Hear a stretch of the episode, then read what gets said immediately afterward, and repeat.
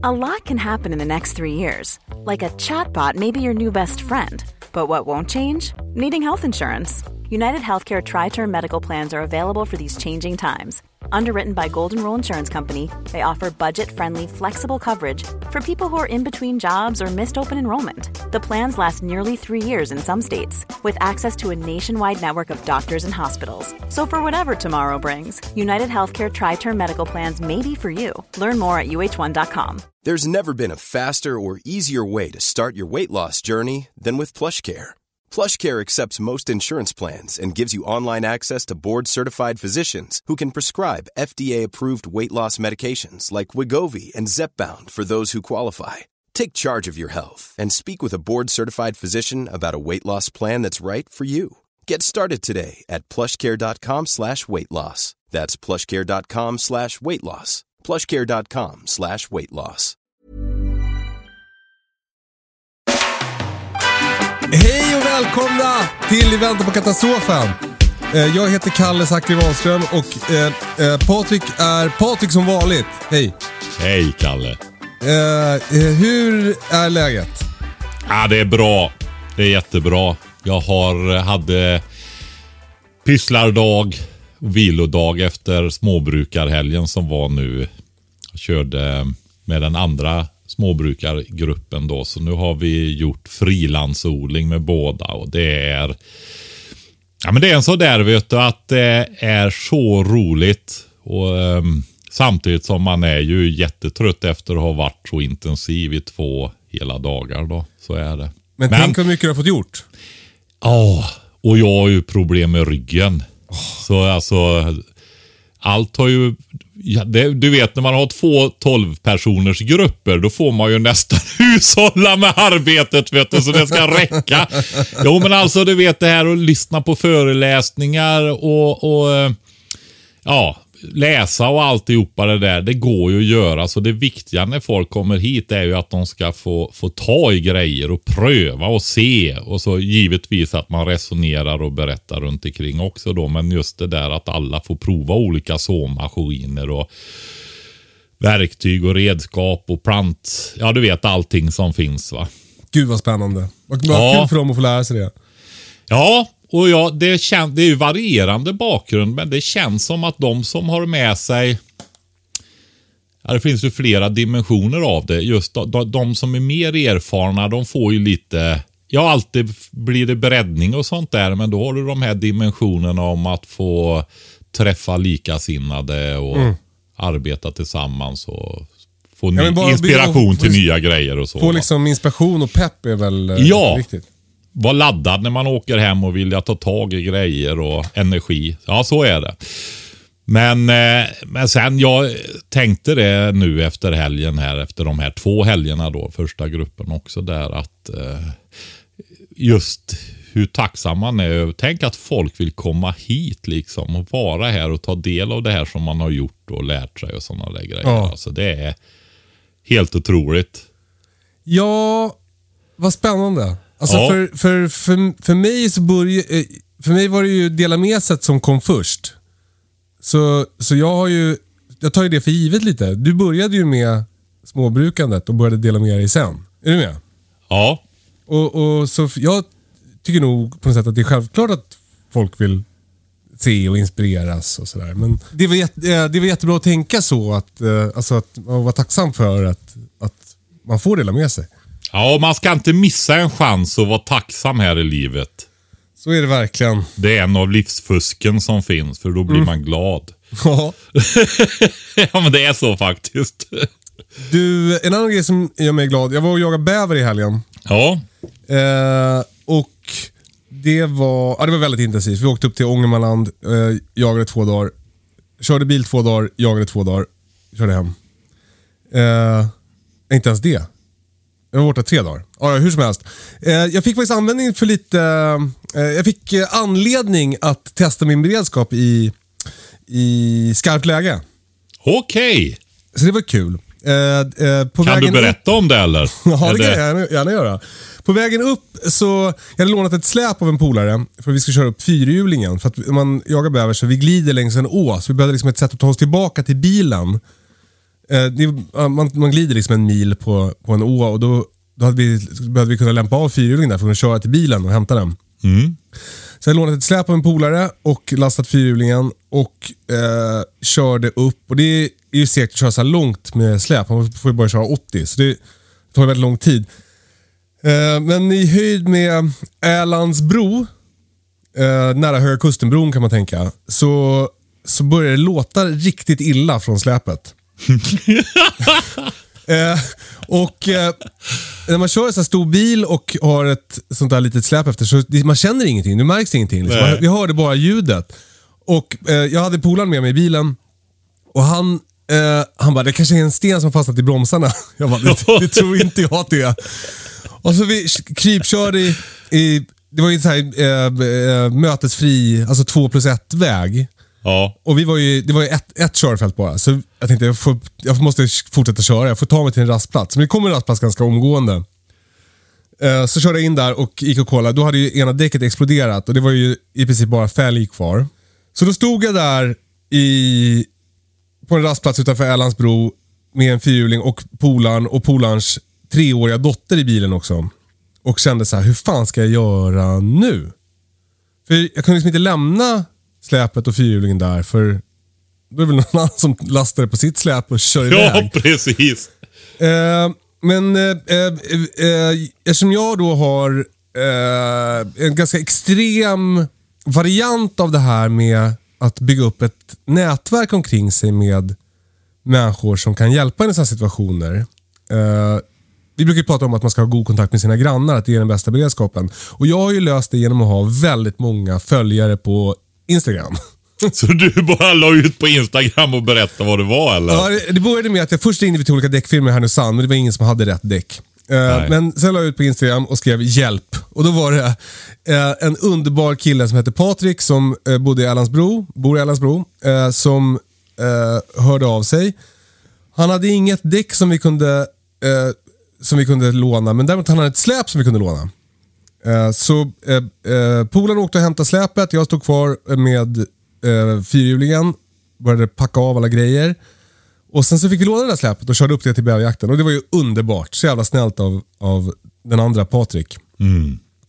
Eh, och så jävla underbart att ha det där. Det är så jävla lyx för mig att få... Att, för allt löser sig ju.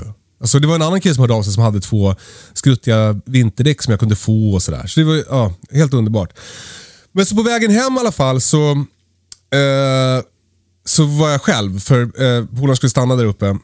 Eh, och jag eh, skulle då köra till Älandsbro och byta till vårt originalsläp. Och då ta de här skruttiga vinterdäcken och sätta på och ta mig hem med hjälp av dem. Så jag hade alltså hjälp av två olika Älandsbrobor. Eh, jag kom dit och åkte och hämtade däcken och åkte till, eh, eh, till de jag hade lånat släpet av. Skiftade däck, eh, eh, lastade på, kopplade på släpet. Allt var frid och fröjd. Nu vänder det tänker jag. Men det var så jävla mycket surr. Alltså du vet, eh, man, man, när man kommer hem till någon sådär, de bodde jättefint och de, hade liksom, de var intresserade av fiske och jakt. Och vi hade en hund som var lös och vi pratade hundar och jakt. Och, ja men du vet, man, som man gör. Jag vet exakt Kalle, jag vet allt om Och det. jag, jag vet att du kan, att du antagligen kanske drabbas av samma grej. Att det blir lite mycket för dig då i huvudet när du ska prata och göra något samtidigt. Men jag kör iväg i alla fall och efter sex mil ungefär på en sån här 2 plus 1 väg så blir det då två Eh, körfält åt mitt håll. Då kommer det upp en kille bredvid mig brännandes med sin bil och pekar bakåt mot mitt släp. Och jag bara, åh nej. Så jag kör in till kanten direkt. Eh, jag får plats i vägrenen så det, det är inget problem. Så går jag ur bilen och då står däcket som jag då har satt på precis rakt ut för att jag har glömt att efterdra bultarna. Så de har skakat loss. Eh, kvar i däcket sitter två bultar, halvt utskruvade. Eh, två lyser med sin frånvaro. Jag bara okej. Eh, nu är jag då själv, vilket är en ganska stor skillnad när man hamnar i sådana situationer om man har någon att Ja, men vi, vi, ja precis. Alltså, när, när, man, när man hamnar i sådana liksom, jobbiga situationer så är det alltid skönt att ha någon att bolla med. Ja, men man så är också- det. kan också- Resonera. Ja, men exakt. Och man kan också ta olika roller. Alltså, om en blir stressad så kan den andra bli lugn och sådär. Nu var, det själv, nu var jag själv, så nu var jag tvungen att både bli stressad och lugn samtidigt. men jag, jag, eh, Eh, hade aldrig kollat om jag hade en domkraft i min bil. Eh, jag hade aldrig kollat om jag hade en, ett fällkors i min bil. Jag hade ingen aning om vad de var.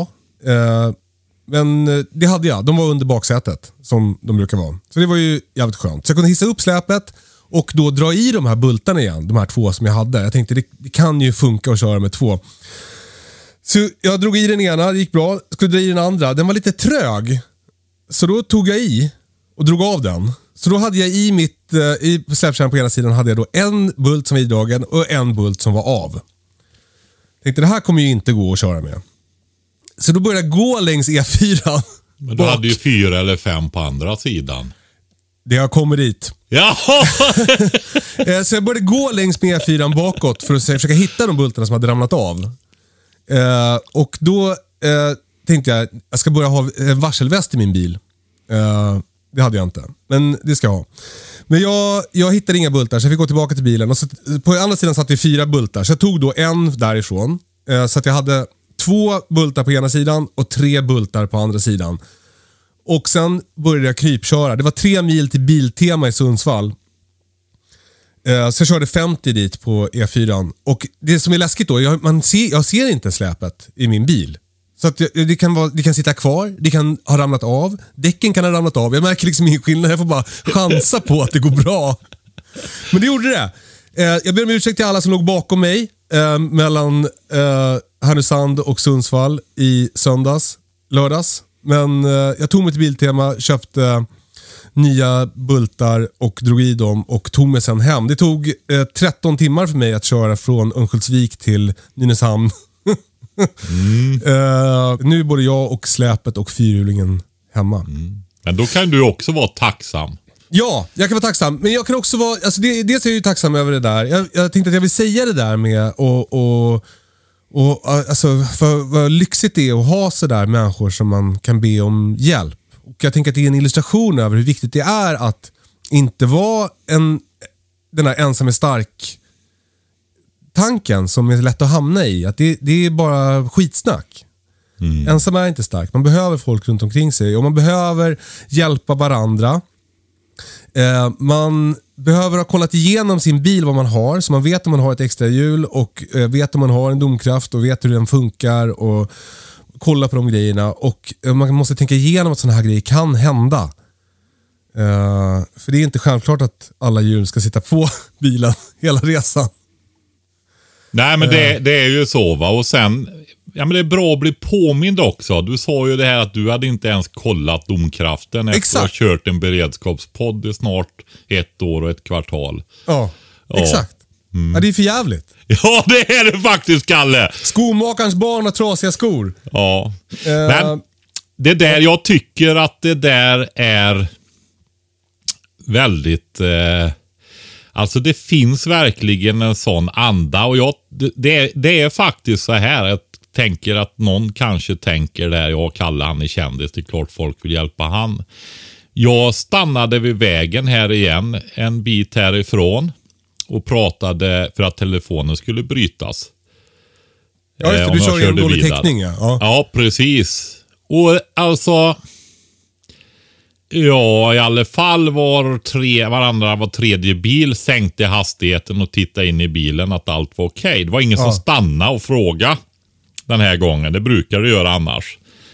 Men, de såg att du eh, satt och pratade i telefon så då, och du var vid medvetande. Ja, precis. precis. Och de, för, då, för, de förstod ju varför jag hade stannat där också Ja. förmodligen då. Va? Men det var som en annan i kommunen här som jag pratade som eh, hade haft bekymmer och han högg upp ved åt dem. Nej, men, Och då trodde de att de skulle dela på det där. Nej, jag behöver ingen ved, sa han bara. Så fick de alltihop. oj, oj. Nyinflyttade människor då. Va? Och, så, Gud, och så där. Det finns hur många exempel som helst hur Ja. hjälpsamma människor är. Va? Så, Men, eh, men och sen den sista grejen som jag vill säga som jag tänkte på är att eh, för mig, eh, att det här hände mig nu, eh, Mm. att, eh, hade det här hänt mig för fem år sedan, innan jag flyttade till gård och, och, och, och började göra saker och lära mig saker och, och, och, och vara en sån som, som ja, men en, eh, Ändra Eh, din självbild till en Ja, kapabel människa. En kapa- jag har blivit en kapabel människa. Så, så alltså, jag tänker att för fem år sedan så hade jag väl liksom ringt 112. men, men nu så kunde jag lösa det här. Eh, jag, jag, jag, jag kände mig väldigt liksom eh, resourceful efteråt. Och, det, och det är en härlig, stärkande känsla. Och det kom ju av att jag, att jag vågade försöka klara det själv. Eh, så, så det vill jag också rekommendera. Att, ja men det där, lag efter läge du brukar säga. Det, Ja. Lag efter läge och lös uppgiften. Exakt. Det var, det var härligt. Och jag, jag blev också påminn om, om den där resan jag har gjort i, igår. För att jag har ju skaffat ett bevattningssystem i mitt växthus. Och min brorsa och hans tjej är också väldigt odlingsintresserade. Och eh, jag har lovat dem att jag skulle fixa ett bevattningssystem åt dem också. Så jag har köpt alla grejer till dem och eh, var igår och kopplade in det hos dem. Och han är nog lite mer där jag var tidigare. Att det är mer att man ringer någon som hjälper en. Och det gjorde han ju i det här fallet, att han ringde mig som hjälpte honom. Men, men jag blev bara påminn om det där när, det- när det är som en, ja, men en stor grej att skruva i en skruv. Så är det inte för mig längre, men det var det förr. Och, och den resan har kommit, den förflyttningen i mig har kommit av att jag har eh, kastat mig ut på det djupa och hållit på. Och, och det, jag tror att det är så det går till för människor. Att man, man måste våga göra läskigt och våga Exponera göra fel. sig, ja. Exakt, våga göra fel. Att, att ta den risken för att utvecklas. Mm. Och jag kände verkligen vilken, vilken skillnad det är. Att jag inte drar mig för att koppla el eller att jag vet vad gängtejp är. Det tar jag för givet nu. Jag tar för givet att alla vet vad gängtejp är. Men min brorsa visste inte vad gängtejp är, var. Och, och, och, och det, så, så var det för mig också förut. Och, och jag, jag, känner mig så, jag känner mig ganska mallig över den resan som jag har gjort. Att lillebrorsan får åka och hjälpa storebrorsan nu. Visst är det så? Han är väl din storebror? Ja, han är 14 år äldre. Han har ju Ja. alltid varit min idol. Ja. Eh, Ja, så det är ju... Det var kul. Nej, men det, det där du tar upp nu är så eh, viktigt och vi har pratat om det förr vet jag, men vi har gjort så många avsnitt nu så det är ingen fara att ta upp samma Flyter ihop. igen. Nej, men alltså det är ju det och eh, just det här att nu är det ju känsligt i och med att det är trafik just i det här fallet då, men generellt sett så just det här att våga misslyckas alltså. Det, Ja. Att det är att lära sig hantera de känslorna som omger misslyckandet och inte... Nej, men alltså man blir ju väldigt begränsad i livet om man inte kan hantera de där känslorna och, och undviker dem. Det blir liksom att inte våga leva nästan på ett sätt. Ja, men och jag tror också att det handlar om... om i, I skolan när man gjorde grupparbeten så kunde man ibland hamna i, i, i konstellation, gruppkonstellationer där det var en eller flera som inte riktigt kände ägandeskap av över projektet. Och Det gör att de då halkar ur processen, att de blir, åker med mer än att de liksom, eh, eh, tar ansvar för alla steg som man behöver gå igenom för att, för att avsluta uppgiften. Och lite så tänker jag med li att livet blir om man alltid ringer någon. Att man inte riktigt känner ägandeskap över sitt eget liv. Om man inte har om man inte tänker att, att det är jag som ska lösa det här, utan det är någon annan som ska lösa det här. Då, då, då sitter man inte riktigt i förarsätet i sitt liv och då tänker man kanske inte igenom alla steg eller Ja, men som med bevattningen nu. Det är, inget, det är inte så jävla svårt egentligen. Men, men för mig, innan jag, började, innan jag installerade mitt första bevattningssystem och innan jag förstod vad det, skulle, vad det var och vad det var för olika delar och, och liksom hur det hängde ihop så, så kändes det nästan oöverstigligt. Men, men i och med att jag har bestämt mig för att jag vill kunna klara mig själv så, så känner jag det där ägandeskapet och blir då den i gruppen som ser till att projektet blir avslutat om du fattar vad jag menar. Precis. Alltså, eh, och, och jag, jag tycker att det sättet att, att leva eh, känns så jävla... Ja, det är, I alla fall för mig så skapar det väldigt mycket mening. Ja, men det är också ett växande i Ja. det. det Ja, men och själva växandet är ju, det, det är väl det som skapar mening kanske. Alltså, ja precis. Men det ger också ett rikare innehåll på något sätt. Ja. Så tycker jag i alla fall. Men det där är ju egentligen bara om man drar det vidare just det här till människor som känner att det är de som har ansvar för sitt hushåll och sin familj när det gäller beredskap. Eller Exakt. inte tar det. Så det är ju exakt samma processer egentligen. va? Exakt. Och då, jag tänker att det här att det här kanske är ett, ett, ett, om man vill bli en sån, så kanske det här är ett bra sätt att öva sig på det. Att man, man väljer ut någonting, kanske inte då när det är, liksom är en, det kanske inte behöver vara en släpkärra som har gått sönder på E4, det är ju väldigt läskigt. Men att man bestämmer sig för, väljer ut ett projekt i sitt liv som man Ja, men som jag gjorde i fjol, att jag byggde en farstu själv. Så här. Det var mitt första, det, som jag gjorde utan min farsa. Ja, han, han, han kom hit och tittade några gånger så att jag inte gjorde bort mig helt och hållet. Men, men att, att, man bara, att man just kastar sig ut på det djupa, kanske då in, eh, inte på det, i farligt vatten. Utan att man Inte det, mitt ute på Atlanten Nej, direkt. men utan i, precis på det djupa på i simhallen. ja, lag precis. Och att, att den, den, det som händer i en när man då lyckas lösa det är att det smittar av sig på övriga livet. Mm. Eh, Det är en attityd och en inställning, mycket. exakt. Eh, så det vill jag få säga. Det är härligt att få blanda den inställningen och attityden att klara grejer själv och samtidigt säga att inte ensam är stark. Exakt. Exakt. För Det, det, är där, faktiskt så att eh, ensam är utlämnad. Ja, ja men det, det är ju samma sak som i det där grupparbetet. Att, att, det är inte att man ska klara allting själv, men att man ska känna ägandeskap. Man ska liksom äga processen och äga projektet. Och äga sitt liv. Ja.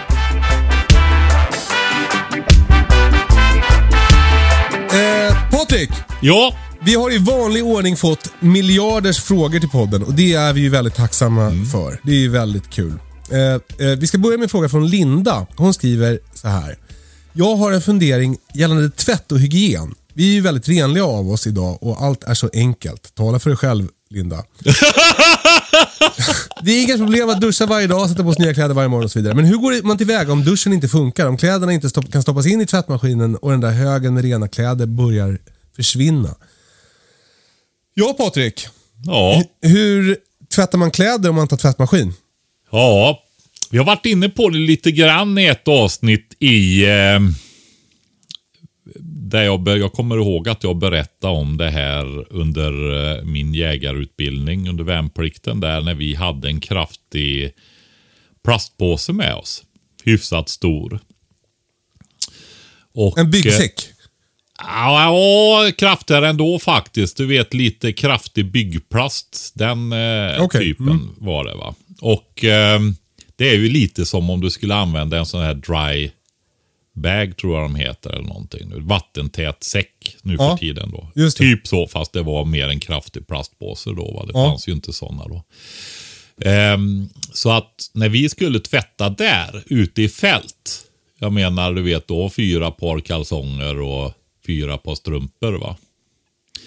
Så, eller skjortor och sådana saker kanske framför allt också då va. Nej men då tällde vi lite tvålflingor på tvålen.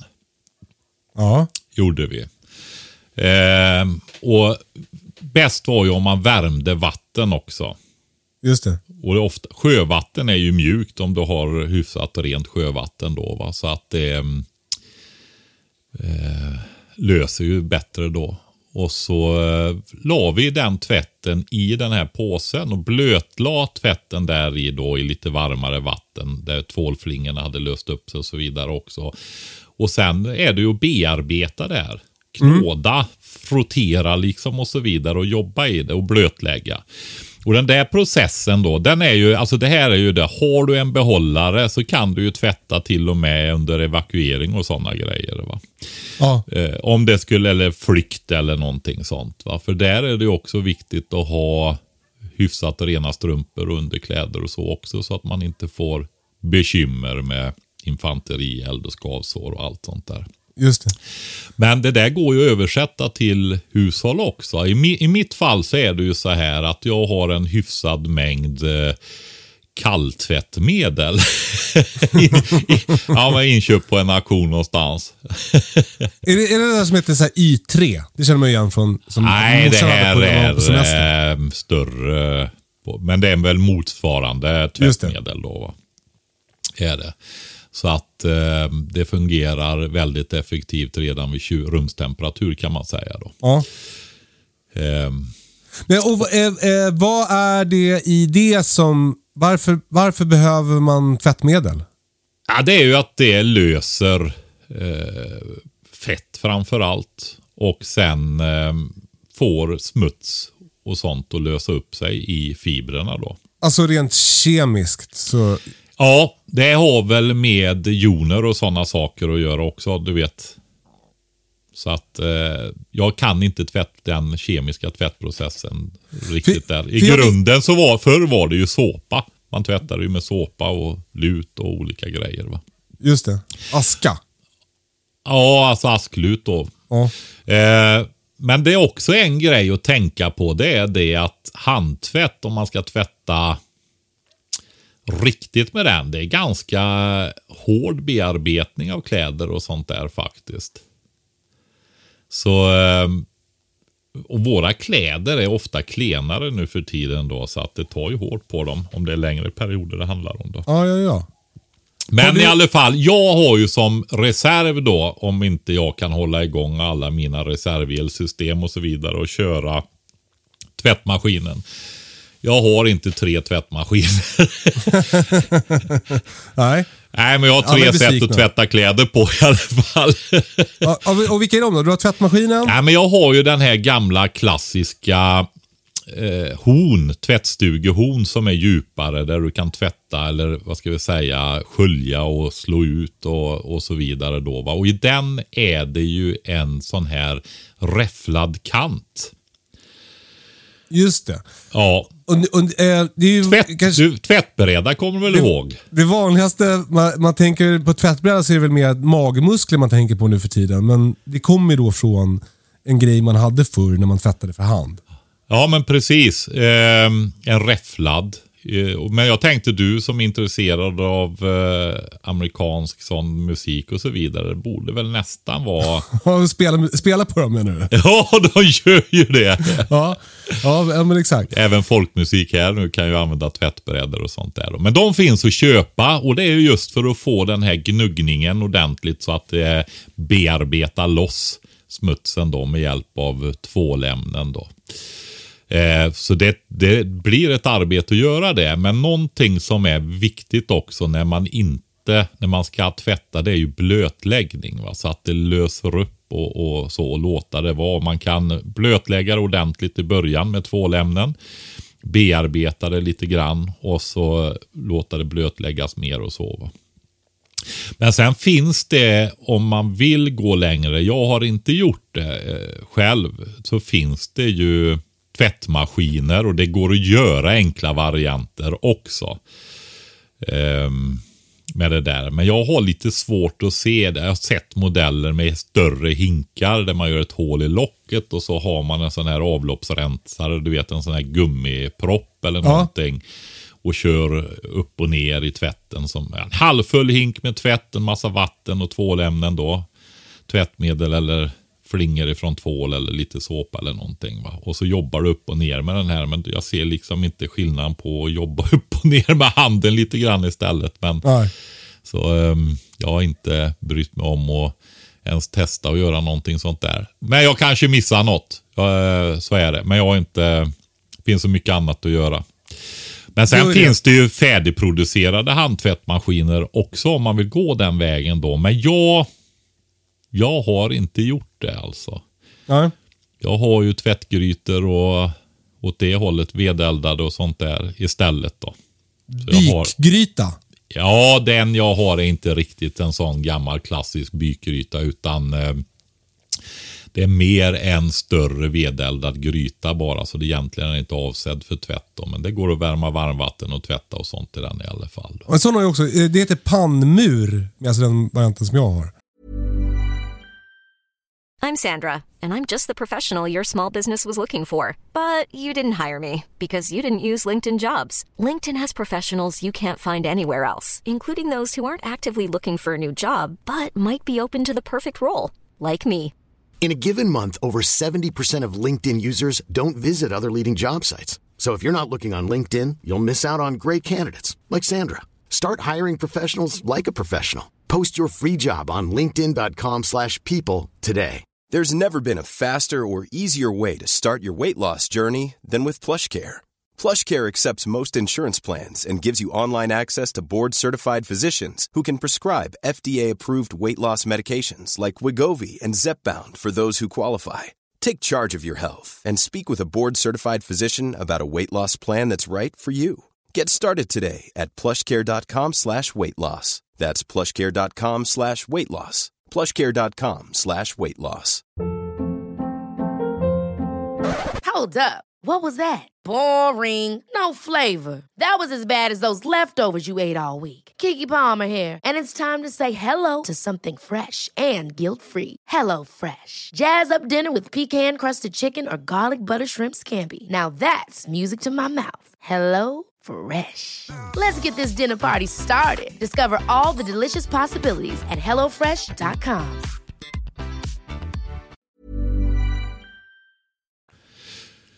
Ja, det är lite olika landsdelar. Det är ju som någon sa, kråkris heter det inte. För det finns ju ett bär som heter kråkris. Jo, men det heter knaster och kråkris det här som är inne i granarna. Det är lite, används olika delar i landet. En, en grej som jag vill säga också bara, som jag nyss hörde om tvål. För jag, alltså, det är så lätt också bara, man tvättar händerna med tvål. Men varför man tvättar med tvål är då för att tvålen typ löser upp cellmembranet i bakterier, alltså så att de dör. Något sånt där är det. Så det, det finns liksom en kemisk process.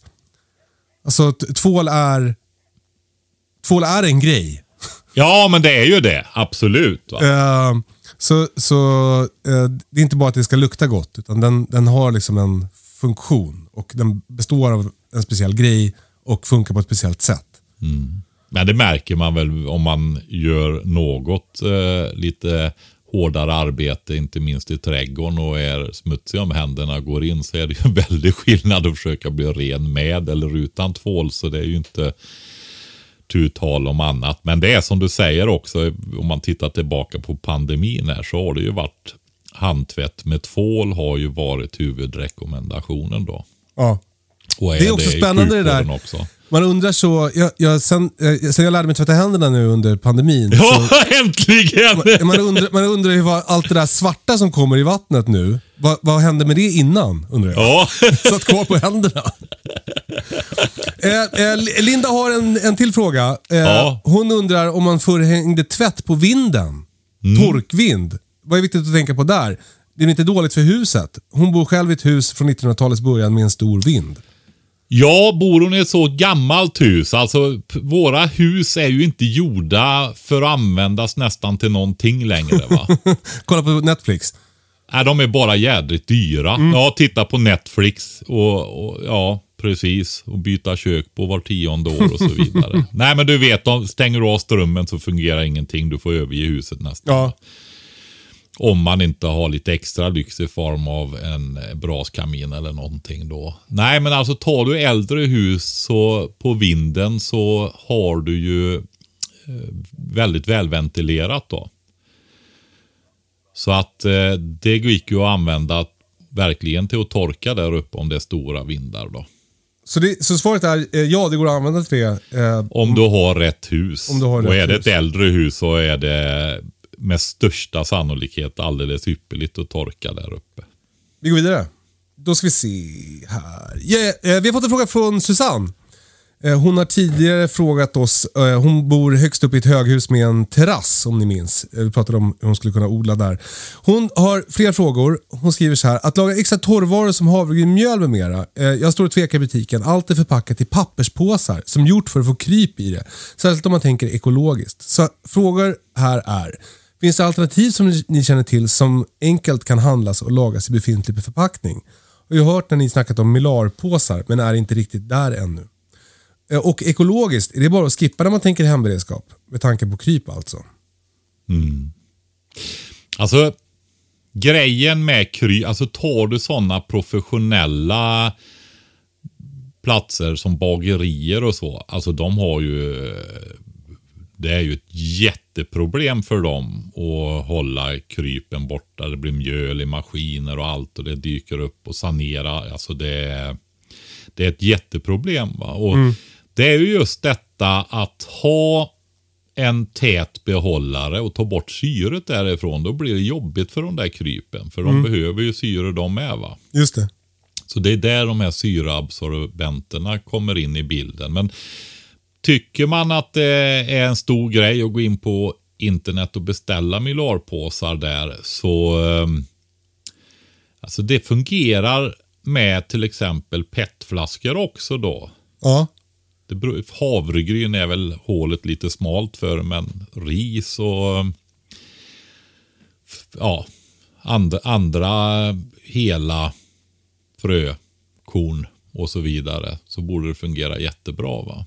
ja men också plastbackar som man kan köpa på vilken affär som helst. Ja, frågan är om du får dem tillräckligt täta i Ja, ja, ja. locket där. Du får, när, när du tar bort syret, det är ju att det rostar i princip. Du har lite grejer som oxideras, alltså reagerar med syret i luften. Just det. Och när det blir fast då i, i, eh, istället för i gasform så får du ju ett undertryck, alltså vakuum inne i. Det ser ju ut som det är vakuumpackat i en mylarpåse när du har gått någon dag eller två där. Va? När det har reagerat färdigt och förbrukat syret. Då. Så, så jag tänker att i en låda till exempel så, jag har inte provat. Just därför att jag dömt ut det på förhand. Då.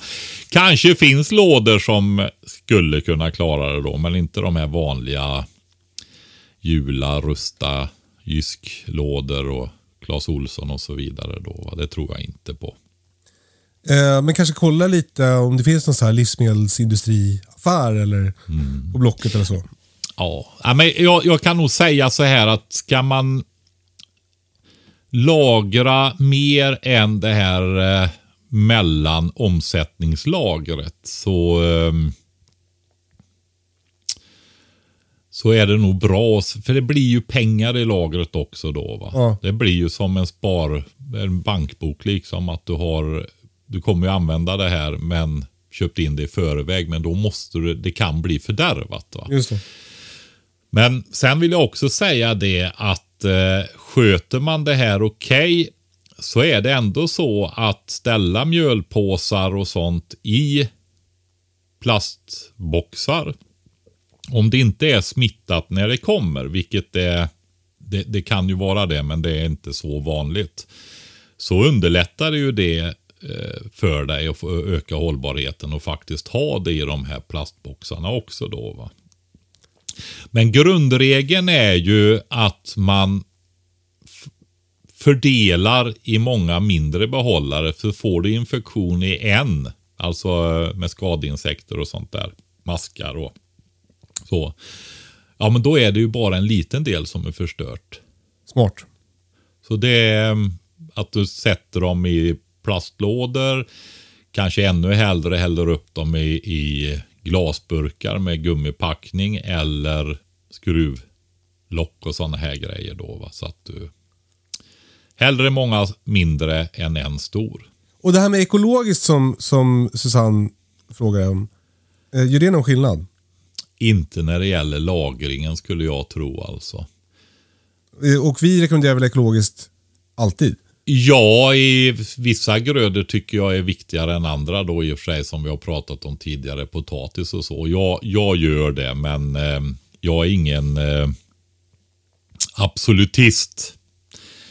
Jag är, har ju en viss eh, förståelse för eh, matförsörjningen i världen och eh, återvinningen av näringsämnen och sånt där som inte, nej, nej, det, det, vi glider inte in på det igen tänker jag. Där. Det är ju så att varje jordbruksfastighet är ett system. Det finns en viss regeneration av näringsämnen men ofta är gårdarna specialiserade och så vidare. Så en del producerar mycket näring och andra ingenting nästan. Va? Mer än lite alger i jorden som binder lite kväve och sånt där. Och tar man bort så mycket näring i form av skörden och bara kör iväg och näringen inte kommer tillbaka på grund av dåliga avloppssystem och återvinning och nedsmutsning och så vidare och detta så det inte går att återföra så, så måste man ju tillföra näring på något sätt. Annars blir det ju liksom utarmat totalt och inte blir inga skördar. Va? Så är det ju. Just det. Så ja, man kan inte liksom... Ja, det, det är ett... ehm, Det är komplicerat. Ja, det kräver ett annat jordbruksupplägg. Det kräver andra avloppssystem och ja, mycket förändringar som är väldigt stora. Och man ser ju nu när avloppssystemen börjar vittra sönder. Byggda för hundra år sedan in i tätorterna. Va? Och det är bara fyra år till nästa val. Man vinner inte många röster på att byta avloppssystem. Eh, och då är det så att det blir inte gjort. Jag, det var en som berättade för mig här nyligen att takten man byter och, och nu, för det börjar bli akut här och var. Va? Det ligger på 400 år att byta ut nu när det är fast det håller på att ge upp på många håll. Det låter som att vi kommer få 400 krångliga år. Eh, Ja, men det är ju lite som med beredskapen. Alla struntar i allt. Bara det kan vara någon annan som får ta tag i det. Det har ju inte hänt något än. Va? Det är eh, tråkigt, men så är det. så är det. Eh, Susanne undrar också när vi får höra Inge-Marie i podden. Alltså din Mm. fru. Ja, vi eh, har väl egentligen tänkt att den här podden ska vara jag och du som samtalar. Vi har ju haft väldigt lite. Vi har haft Anna från MSB och vi har pratat om att ha en läkare som hjälper oss med det där programmet som var det enda vi kastade. Ja. Vi försökte göra ett fördjupningsavsnitt på det där och kände att ah, vi kanske ska ha ändå, det här är lite för känsligt. Va? Och vi blev osäkra så det var faktiskt inte bra heller. nej. Men... Eh, eh, Vi om- kan ju ändra oss. När vi Precis. börjar bli för tjötiga så är det bra att ta in gäster och ändra profil på podden. Har ni eh, eh, eh, frågor till Ingmarie som väl framförallt gäller matlagning och ja, Susanne skriver om ätbara växter till exempel. Eh, då får ni gärna eh, mejla oss och märk det mejlet med fråga till Ingmarie då. Så när vi har tillräckligt många så får Ingmarie vara med i podden helt enkelt. Det låter väl bra? Du, eh, hon har också en fråga om eh, Biolite Camp Stove. Är det något du vet vad det är? Har inte du en sån? Jag har en sån. Det är en, eh, en liten, ett litet eh, kök som man kan elda i med pinnar och som också kan ladda telefonen. Eh, jag har nog aldrig använt det riktigt, men, men eh, det ska enligt uppgift funka. Det känns ju bra. Och Jag gillar den där tanken på att man kan elda pinnar istället för att man måste ha gas. Eh, så, så jag är nog för det som, som beredskapskök tror jag. Mm. Jo, den, men jag tycker den blir ett... Jag håller med, men jag är lite sådär... Den typen av grejer vill jag gärna ha basic-nivå på, inte massa el- dyr elektronik som är sårbar och så vidare i. Just det. Och då, men själva det här att det är ett biobränslekök. Är det inte fläkt i den där också? Det finns kanske olika varianter. Min har inte det. Nej. De köken som jag har när det gäller biobränsle och som de har fått i julklappar och sånt där. Barn och barnbarn och respektive och så vidare på barngenerationen då. Det är eh, ett med sekundärförbränning. Alltså inte bara ett biobränslekök som du, alltså sådana här fyrkantiga lådor eller runda lådor liksom som är mer som en eldstad Just det. plåt. Utan där du får syresättning sekundärt uppe i lådorna och väldigt ren förbränning och högre effekt och så vidare. Det finns jättefina sådana för några, ja, några hundralappar då. Alltså lite mer eh, raketspistänk. Ja, på sätt och vis. Inte, in, ja, inte riktigt rak, eh, raketspis, men eh, du får samma rena förbränning där som inte ryker så mycket och sånt där. Va? Och så. Sista frågan från Susanne eh, gäller bakning utan ugn. Har du någon erfarenhet av det? Lite grann har jag. Eh, vi är, det är en sak, vi, vi har ju det på småbrukarkurserna där att vi lagar mat över öppen eld som ett moment. Så att det är ett matlag som lagar varje dag. Och så roterar det då. Och eh, vi, det finns en, eh, ja på svenska kallas det för fältugn. Och Skeppshult har ju en sån. Som de har gjort, som är väldigt fin tycker jag. Dutch oven heter det på engelska eller? Ja, precis. Holländsk ugn tror jag det betyder. Va? Gör det det? Ja. Ja. Och det var väl att de eh, holländarna hade med sig det över till USA. Just det. Men det är ju alltså använts länge. En gjutjärnsgryta. Och det som är, den är ganska stor och robust. Och har ett, en, eh, kan vara slät i botten eller ha tre fötter. Den Skeppshult har nu då, den är ju slät. En sån har jag och min son har hunnit få en sån också. En sån man, man hänger den över en eld egentligen. Ja, du kan också ställa den i. va. Eh, Och Det som är unikt för de här fältugnarna då, med ganska... De är tjockare än vanlig köksgjutjärn kan man säga. De är gjorda för, men de är också... Det är inget man lägger i ryggsäcken om vi säger så, utan det är nog mer eh, på ett läger eller på... Hemma. Ehm, ja, eller om du åker iväg med bil eller kanot eller båt eller någonting på utflykter så. Just det. Det är nog mer åt det hållet. Eller om du har en utflyktsplats där du bygger upp ett läger. Vi har ju pratat om evakueringsplatser förut och sådär. Så där, där är ju en sån, eh, de, om det är en evakueringsplats som är mer eh, enklare då. Va? Är det svårt att kontrollera temperaturen i den? Alltså, jag tycker det är så fascinerande. Ja, alltså det, den, nu ska jag ju säga det då att det, vi har ju en sån, men vi har inte använt den så mycket till bakning, mer till grytor. Ja. Det som är utmärkande för den också är ju att på locket så har du en kant som går upp.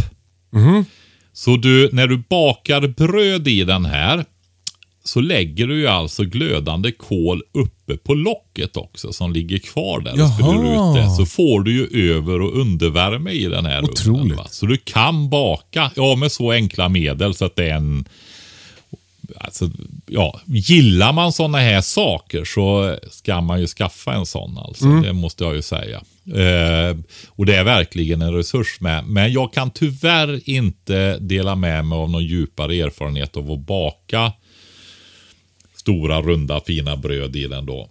Men den är, det, det är ju så att när man bakar över öppen eld så är ju en, och det är så fascinerande att se de här när de gör det på småbrukarkursen, hur ja, men fort de får det, för det är ju riktiga maträtter och sånt de lagar och bakar och, och sånt där. Va? Sist nu var det ju en som jag tycker är jättegod, Zanzibar-pizza. Det såg jag på Instagram. Vad är det?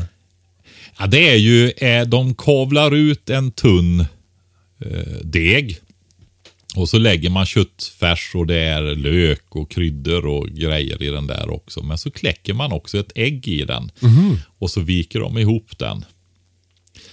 Och eh, sen, eh, ja det är ju brynt köttfärs och det är liksom gjort i förväg då så att Just det är ordentligt tillagat. Men sen blir det lite att du frityrsteker den lite grann kan man säga. I morikan gör de de här grejerna då. va? Ja. Ja, för det är ju ett alternativ också att baka bröd i, i, som i stekpanna kan man ju. Alltså som en, Jajamensan, för det är ju nästa grej. Om du, det här med att göra tunna bröd. just det. Det gör du ju i vilken slät yta som helst höll Ja. jag på att säga. Va? Ja. Och det är ju, tittar du runt om i världen idag hur det ser ut så har du ju i väldigt många länder inte minst där du inte har ris och potatis och de här grejerna så är det ju brödet. Ja, men det är, ju- det är ju nanbröd och det är ju libabröd och det är tortillas. tortillas och um, vad heter det nere i Östafrika? Etiopien och de har sina. Där har de något. Åh, nu. tappar jag dem. Jag har tittat på det nyligen. De har ju speciella frön som de har där. Som de gör mjöl på och bakar ett tunt bröd på ett speciellt sätt. Men då har de ju det liksom och äter med och så får de sina kalorier, kolhydrater via brödet där istället. Va? Och det är ju nästan alltid de här tunna bröden. Och tittar du på norra Sverige där det bara gick att odla, bara och bara. Ja, men i huvudsak odlades ju korn även till människor då. Och det är ju svårt att göra stora, tjocka, tunga bröd med det. Så vi har ju en väldigt välutvecklad tunnbrödstradition i vårt land också. Va? Just det. Ja, bra. Det är ett bra tips. Eh, en grej man ska säga om man ska baka in sån här gryta, det, det har, har väl både du och jag testat att göra i ugnen också. Och Det är ju att grytan ska vara varm som sören när du lägger i degen. För annars så kommer det att fastna jättemycket. Mm. finns ju viss risk att man bränner just i den här kontexten då. Allt, det, det, är så här, det är, grundregeln är så här. Antingen, och det gäller all man bakar i formar överhuvudtaget, för en sån här gryta blir ju en form. Antingen ska den vara varm, så att det liksom inte hinner kleta in i porerna. Just det. Ja, utan att det gräddas i ytan. Det andra alternativet är att man smörjer in. Just det. Smör eller olja. Ja, precis. Jag skulle nog göra så här när jag börjar öva lite mer på, jag och min hustru. För vi får ju öva på detta om vi ska göra det på småbrukarkursen då, så vi har något att komma med. Va? Ehm, så är det nog så att vi oljar in den och börjar med för att inte få Ja, om du gör ett tjockare bröd, det blir, då får du verkligen ha kontroll på det där. Så att det inte får bli bränd yta. Ja, det verkar svårt. Ja, lite grann. Så jag, jag, jag tror jag börjar med, med fettet i kall istället. Ja, bra. Alternativet är ju utan fett och varm då. Va? Det är ju de två sätten där det inte bränner fast helt enkelt. Tack för det. Hoppas du har svar på dina frågor. Susanne.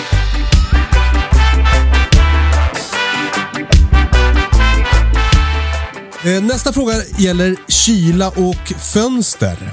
Eh, Det kommer från Nils. Eh, Nils har flyttat till en, ett litet hus som de hyr eh, utanför Göteborg. Där det finns odlingsmöjligheter nära till sjö och skog. Eh, Problemet är att det är kallt. De väntar barn i september och förbereder oss inför en vinter i huset. Eh, De har tillgång till en kamin och mycket ved. Men värmen flyr ut i otätat tvåglasfönster. Hur tätar man bäst gamla fönster? Jag har tätat med fönsterlister men hade förväntat mig ett bättre resultat. Hur gjorde man förr? Hört talas om fönstervadd? Är det något att testa? Ja. Jag förstår ju att det är ett äldre hus överhuvudtaget och det är ju framförallt två grejer. Det är att lära sig de här enkelglasfönstren, hur de fungerar då. Det är ju två glas i dem, men det är löstagbara innan fönster då. Men det andra när det gäller äldre sådana hus, som jag misstänker att det här är, han pratar ju inte om det, men jag läser in det mellan raderna. Det är ju alltså golvdraget. Va? Man brukar säga det när man eh, gör i ordning sådana äldre hus och renoverar dem. Så är det just det att täta golven. Det är liksom Det här var någonting som alla sa till oss när vi flyttade in i vårt hus här på gården. Uh, nedervåningen så, så då, då var det flera som tipsade mig. Ta bort golvet, gräv ur och isolera ordentligt. Ja. Eh, Och tä- vindtäta också Ja, då, så att du inte får eh, tryck i det. Va? För på vissa ställen så blåser det ju. Man kan ju känna, det är ju blåst. Liksom. Ja. Ehm, Du lydde inte de råden. jag gjorde inte det, men det är väl på gång. nu, jag. jag, är en sån som måste lära mig av mina egna misstag. Det måste svida, annars lär du dig inte. Exakt. Ja, nej men om vi går till fönstren då. Så eh, är det så att det är fantastiskt att ha sådana fönster. Jag valde faktiskt att sätta in det i mitt hus också, men jag lät ett snickeri tillverka fönstren åt mig, för jag hade lite idé om det där. För det är, de äldre, de eh, sätter du ju in och ofta skruvar du in dem. Och sen måste du ju täta dem. Men jag satte faktiskt på gångjärn med sprintar som jag kan slå ut på innanfönstren. Då. Eh, och det gör ju att ena fönsterhalvan då, för det är ju sådana här med två halvor och mittpost då. Och eh, spröjsade fönster då. Så då kan jag i alla fall öppna den ena halvan. Men det är jätteviktigt när det gäller innanfönster. Det är att man förstår hur de fungerar. Om du läcker ut luft ifrån nu, nu är det kallt ute då va? För det är ju då, då det blir kyligt inne också. Man får lära sig något i den här podden också. Ja, men precis. Och då är det ju så att varm luft binder ju mycket mer vattenånga. Och kommer den vattenångan ut genom det inre fönstret då, ut mellan de här två fönstren, blir så kondens. kyls ju den ner där. Va? Och du får jättemycket kondens och det kommer även att frysa till is och sånt när det är riktigt kallt ute. Då, va? Så att det får, alltså det innerfönstret, det är därför du ser att de tejpar sådana här fönster och så ofta om du har tänkt på det. Okej. Tejpar i skarvarna runt. Det låter inte så Alltså- snyggt. Nej, du har vit tejp och det är liksom nästan, det hör nästan till de där fönstren på något sätt. Då.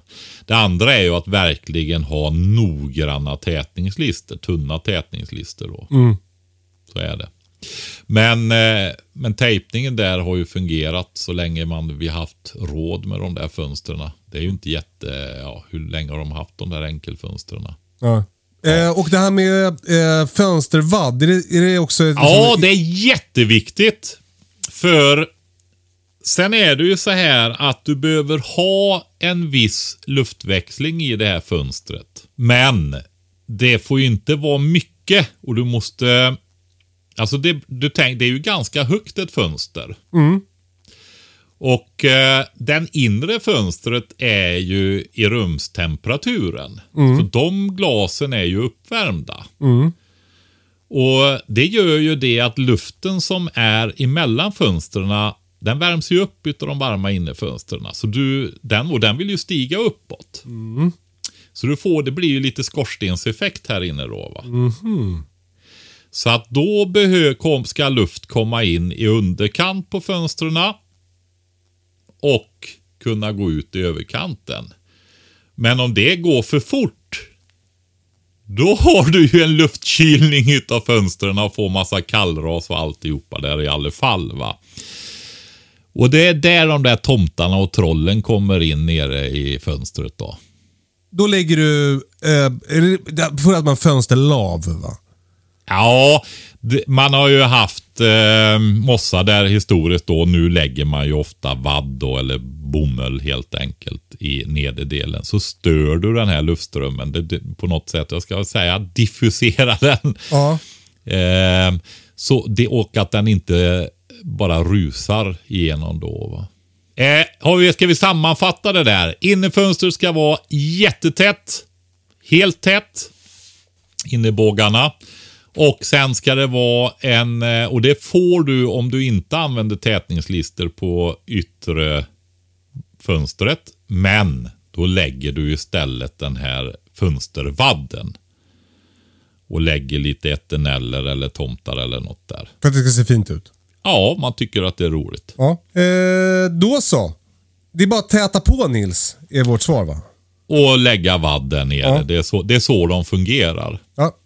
Och är det inte gjort så kommer det ju att, att bli en väldigt stor skillnad. Men jag kan också säga att jag tror det kommer att vara tallt, kallt om de inte gör något åt golven där. Det är kalla golv. ja. Men då är det mattor man får ha. Precis. Ja. Som en första åtgärd då. Om man inte kan renovera.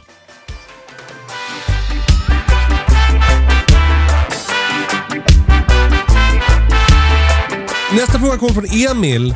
Eh, han skriver, eh, hej vilken otroligt bra podd ni gör. Tack Emil. Eh, han har börjat preppa lite lätt, så han klarar ungefär en vecka med sin familj utan ström. Eh, toppen Emil. Han har en fråga angående vatten. Hur länge håller sig vatten från en sjö, bäck om man kokar det och sen förvarar det?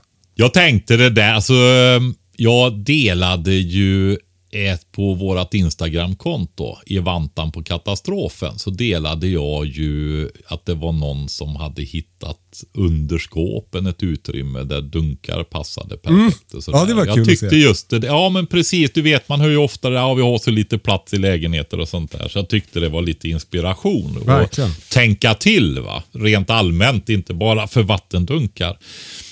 Eh, så jag tyckte den här frågan passade där. För med en gång. Jag tror det är något vi har, man får prata om mest av allting. Hur länge kan man lagra vatten?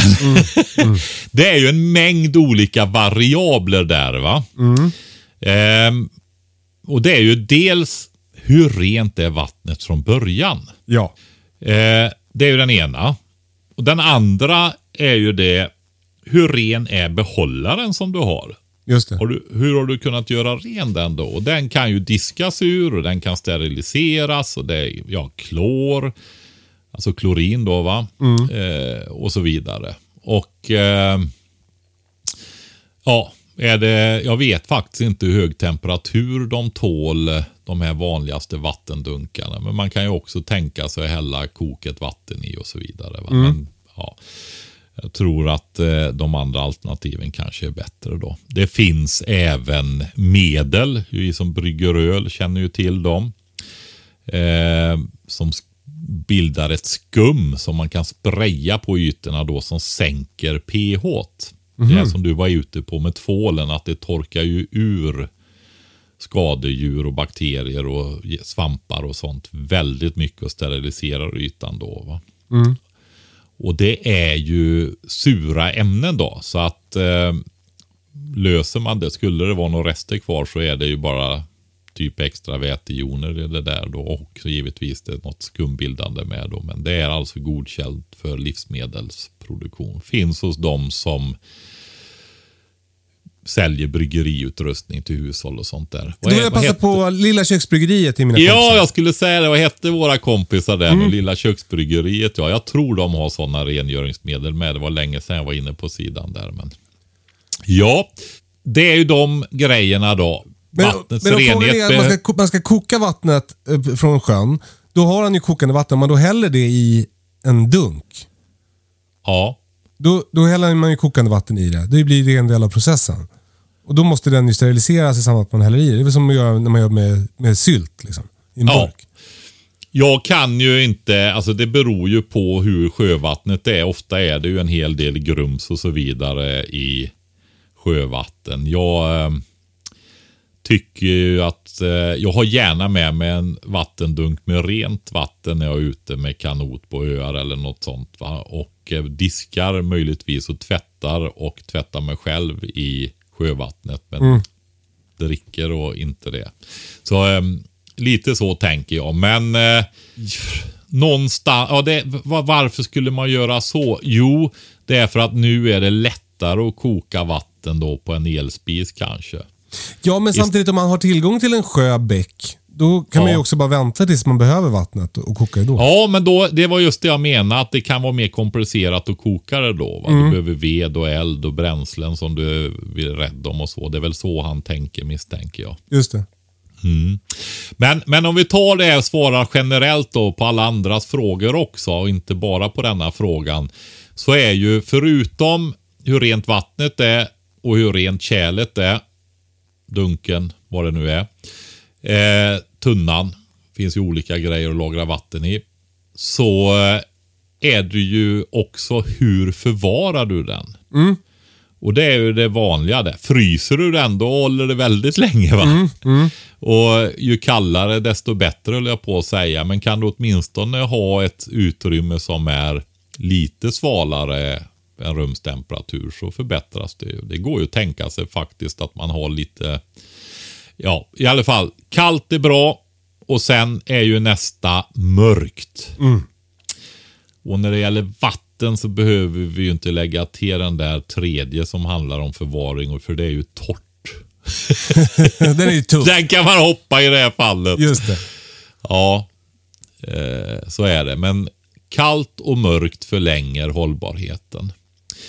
Eh, och så lägger vi till det här allmänna som alla ska känna till hela tiden. Att är man osäker, koka vattnet innan du dricker det. Så är det alltid va? Ja, så är det. Och eh, det står mycket olika på internet och så. Men har du en godkänd dricksvattentäkt, brunn eller kommunalt vatten där kontrollen är högre och kraven är högre och där det ofta är använt reningsmedel och så vidare, reningsämnen och sånt där. Så har du någonting som, jag vet, när vi var och gjorde den här livepodden som vi fick för dåligt ljud på som vi inte kunde spela upp hos Västerås kommun. Då gjorde de ju tester och de var ju uppe i flera år. Ja, sju år tror jag de hade uppe i. Ja, men i alla fall många år var det. Det var mer ja. än två. Som de hade, jag kommer inte ihåg, det kanske var sju. Jag tror det. Men i alla fall, så rent vatten har de. Så förvarar de det svalt och mörkt, det håller i åratal. Ja. Kanske för evigt, jag vet inte. Men eh, eh, så bra är kanske inte allt vatten. Och inte de med egna brunnar och så vidare heller. Och framförallt inte äldre brunnar kanske. Eh, men då brukar man säga så här att om man byter vatten vid högtiderna. Ja. Midsom de stora midsommar och jul då, va? så en gång i halvåret. Så kan det vara en hanterbar. Men kom tillbaka till det där. Det är bättre att ha det här vattnet än att inte ha det. Och när du blir osäker. Då är det kokning som gäller alltså. Så eh, klarar du dig, för då tar det det som skulle kunna ställa till det i magen för dig. va? Taget! Det där bra. kan vi inte tjata nog om. Eh, bra! Du Patrik, eh, eh, tack för idag. Ja! Så, så eh, eh, snabbt gick det. Eh, tack för att ni lyssnar hörni. Eh, och tack för att ni ställer så mycket bra frågor. Hej katastrofen.se är mailadressen. Man kan också ställa frågor i DMs på i väntan på katastrofen på Instagram. Eh, och man kan också gå in på prepbox.se och köpa vår låda med mat som du kan ha i, som en start för din beredskap. Ja, i det här korta perspektivet så är den fenomenal och även som eh, till evakueringsväskor och sådana saker. Men vi hade flera bra frågor kvar, Kalle. Vi får jobba, vi får, de får stå högst upp på listan nästa vecka och den här ljudfrågan också. Jajamän, så är det. Ja. Eh, eh, ha det så bra så länge och eh, glöm inte att öka din eh, beredskap. Puss och kram. Hej då.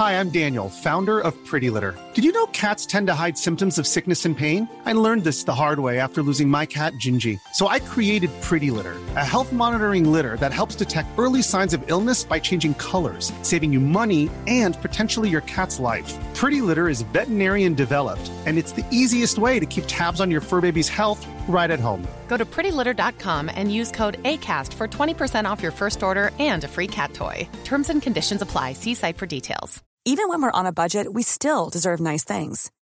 Quince is a place to scoop up stunning high end goods for 50 to 80% less than similar brands. They have buttery soft cashmere sweaters starting at $50, luxurious Italian leather bags, and so much more. Plus, Quince only works with factories that use safe, ethical, and responsible manufacturing. Get the high-end goods you'll love without the high price tag with Quince. Go to quince.com/style for free shipping and 365 day returns.